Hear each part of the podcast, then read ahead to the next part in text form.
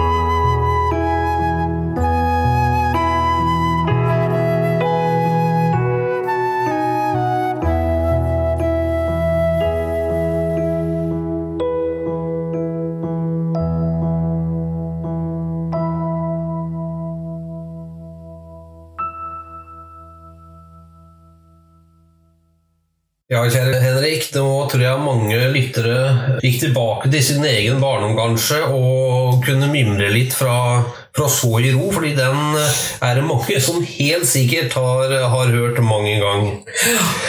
Men det med vuggeviser, Henrik, det er utgangspunktet gamle folkeviser. Ja, gjerne da basert på eventyr, da. Ja, Men det kan vi jo komme litt inn på siden. det kan vi gjøre. Og eh, det morsomme er at man tror liksom vuggeviser er noen sånn tullball, men eh, Edvard Grieg har faktisk laget og skrevet en slik vise som heter 'Gjendines bådnut'. Og det skrev han faktisk til etter å ha hørt en sånn liten sånn seterjente synge. Å, Ja, men du har jo ikke bare Edvard Grieg, du har jo mange andre sikkert også. absolutt, Henrik. Absolutt. Da du var bitte liten, Henrik, vet du hva faren din gjorde, eller? Du sang.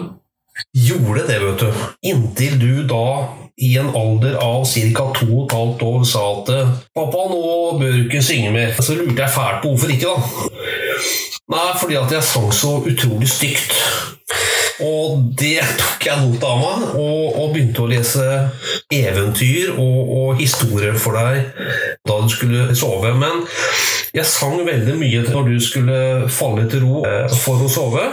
Ja. Det gjorde jeg eh, hver natt. Og en av de andre som jeg eh, sang igjen, Henrik, var 'Trollmors vuggevise'. Ja. Husker du den? Ja, den husker jeg. Hva tenker du når du hører, eh, hører det? Den har jeg ikke hørt på mange år. Eh, ikke i sending engang, faktisk. Nei, Har du noen tanker om den? Ja, altså nå er det vel en fornemmelse av at jeg vil nok få en sånn eh, viss form for nostalgi, eh, som eh, Soro Lillemann, som jeg var inne på her i stad, at jeg brukte til å roe meg ned Mm. i forhold til prøven. Eh, men den prøven var vel eh, Det var faktisk noe verre jeg har gått gjennom i livet. Eh, Jeg vil ikke gå inn på det andre, men. Men det med Trollmors uggevise, da, kjære sønn, det er faktisk eh, Den er skrevet av en svensk person som heter Margit Holmberg. Den ble skrevet i 1943. Og den omhandler en trollmor som den, Det er så koselig å si, eh, Hør på det, Henrik. Det er så koselig å høre det. Det handler om en trollmor som synger en vise med ordene Å ja, ja, ja, ja, boff til sine elleve barn når de skal sove, ettersom de er de vakreste ordene hun kjenner til. Det er litt kult. mm. Skal vi høre på den, eller? Ja, du har vel med noe lyd, gjør du ikke det? Jo, det har jeg, vet du. Jeg skal ikke love deg en ting, Henrik. Jeg skal ikke prøve å synge. Men jeg kan prøve. Du kan prøve, men eh, jeg bare sier en ting, kjære lytter. Du vil nok revurdere sterkt livsprioriteringene dine. Jeg, du, vet du hva, jeg jeg skal melde meg på sånn omvendt eh, program av Voice. Hva skal det hete? Eh, eh, hva hadde du valgt? Nei, jeg ville tatt Bad Voice da. Ja, Vi kan kalle det Bad Voice, da. Gjør det. Vi kan ikke det for TV2. vet. Ja, ja, det var kult, det. Hadde på det. Men skal vi høre på Trollmors vuggevise, kjære? Ja. ja.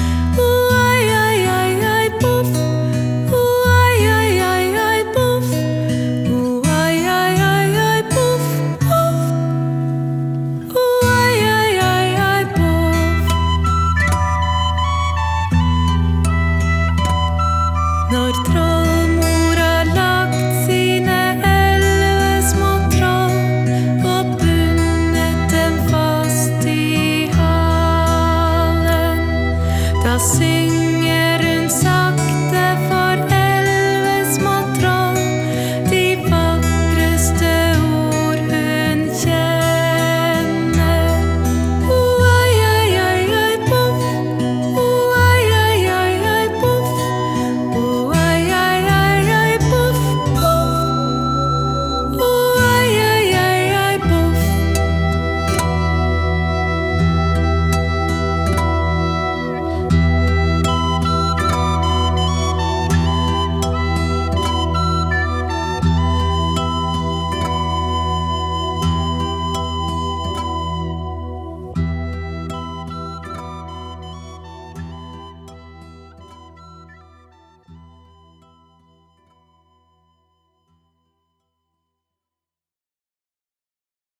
Hva tenker du, Henrik? Var det, en, eh, var det hyggelig å høre på det? Ja da, ja da. Eh, Det var Ja da. Det var, fikk en sånn eh, viss fornemmelse av eh, nostalgien hørte på det. Så altså, det var jo veldig hyggelig liksom, å høre gjennom det. det. Ok, Henrik. Vi går videre med NRK Nytt. Den vi gjøre. Yes.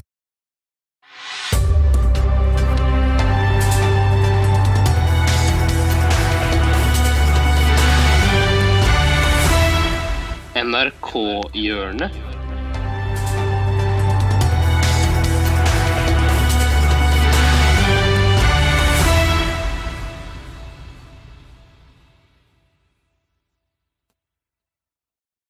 Hjertelig velkommen til NRK-hjørnet. I dag så skal vi ta for oss uh, verdens mest matadorboks nok en gang.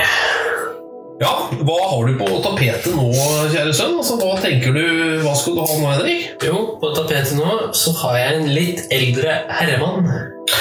Ja vel. Som tydeligvis er på shopping i Bergen.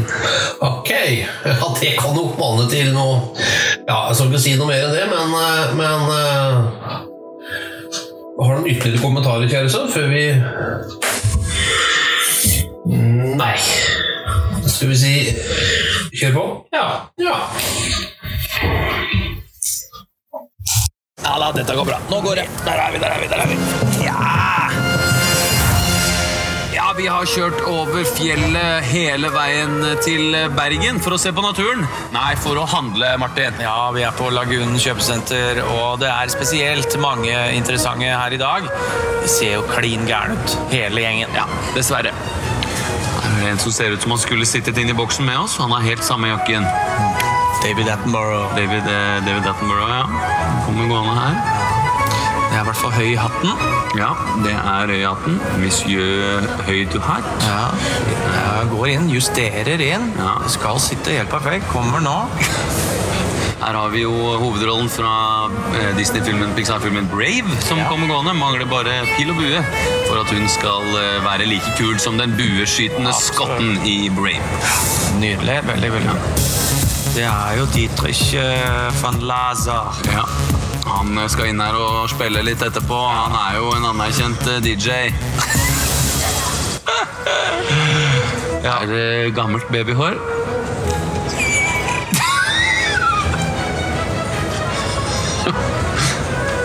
Her er hun, da. Vi har jo ventet nå hele dag på at du skal komme. Det er jo da Judy Dench. Dame du Judy. Ja. Bernie Sanders er på plass her i dag. Ja, det er gøy. Den demokratiske presidentkandidaten har tatt turen til Lagunen. Skal Ja. prøve å verve noen fans. Ja. Hvor kom han fra da? Poppa-pappa. Poppa-pappa, som kommer ut av ingenting. Kom ut av ingenting. og Ingen som har sett den før. Plutselig dukker den opp bak juletreet. Ut og trille litt. Poppa-pappa. Poppa-pappa. Ja, så har vi en eh, Scarlett Johansens bror. Ja, det er det. Scarleif Johansen. Der har vi også en liten veske, stor rem.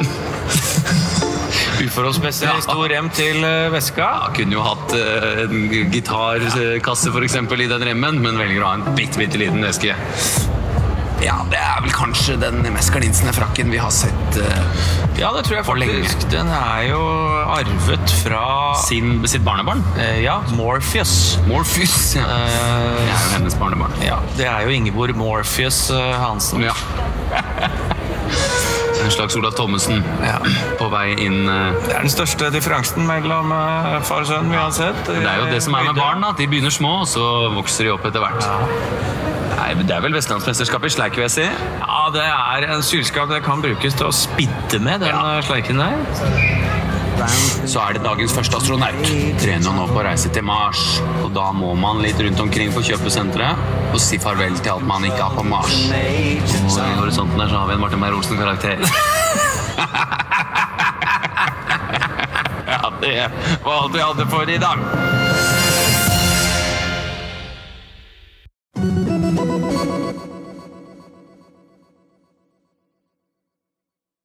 Ja ja, Kjellingban. Det var altså Bernie Sanders på shopping i Bergen. Ja da, det, det var et humoristisk innslag, må jeg si. Ja, det var, ja, jo, det var jo greit å bli litt sånn småpersonlig eh, nå, da.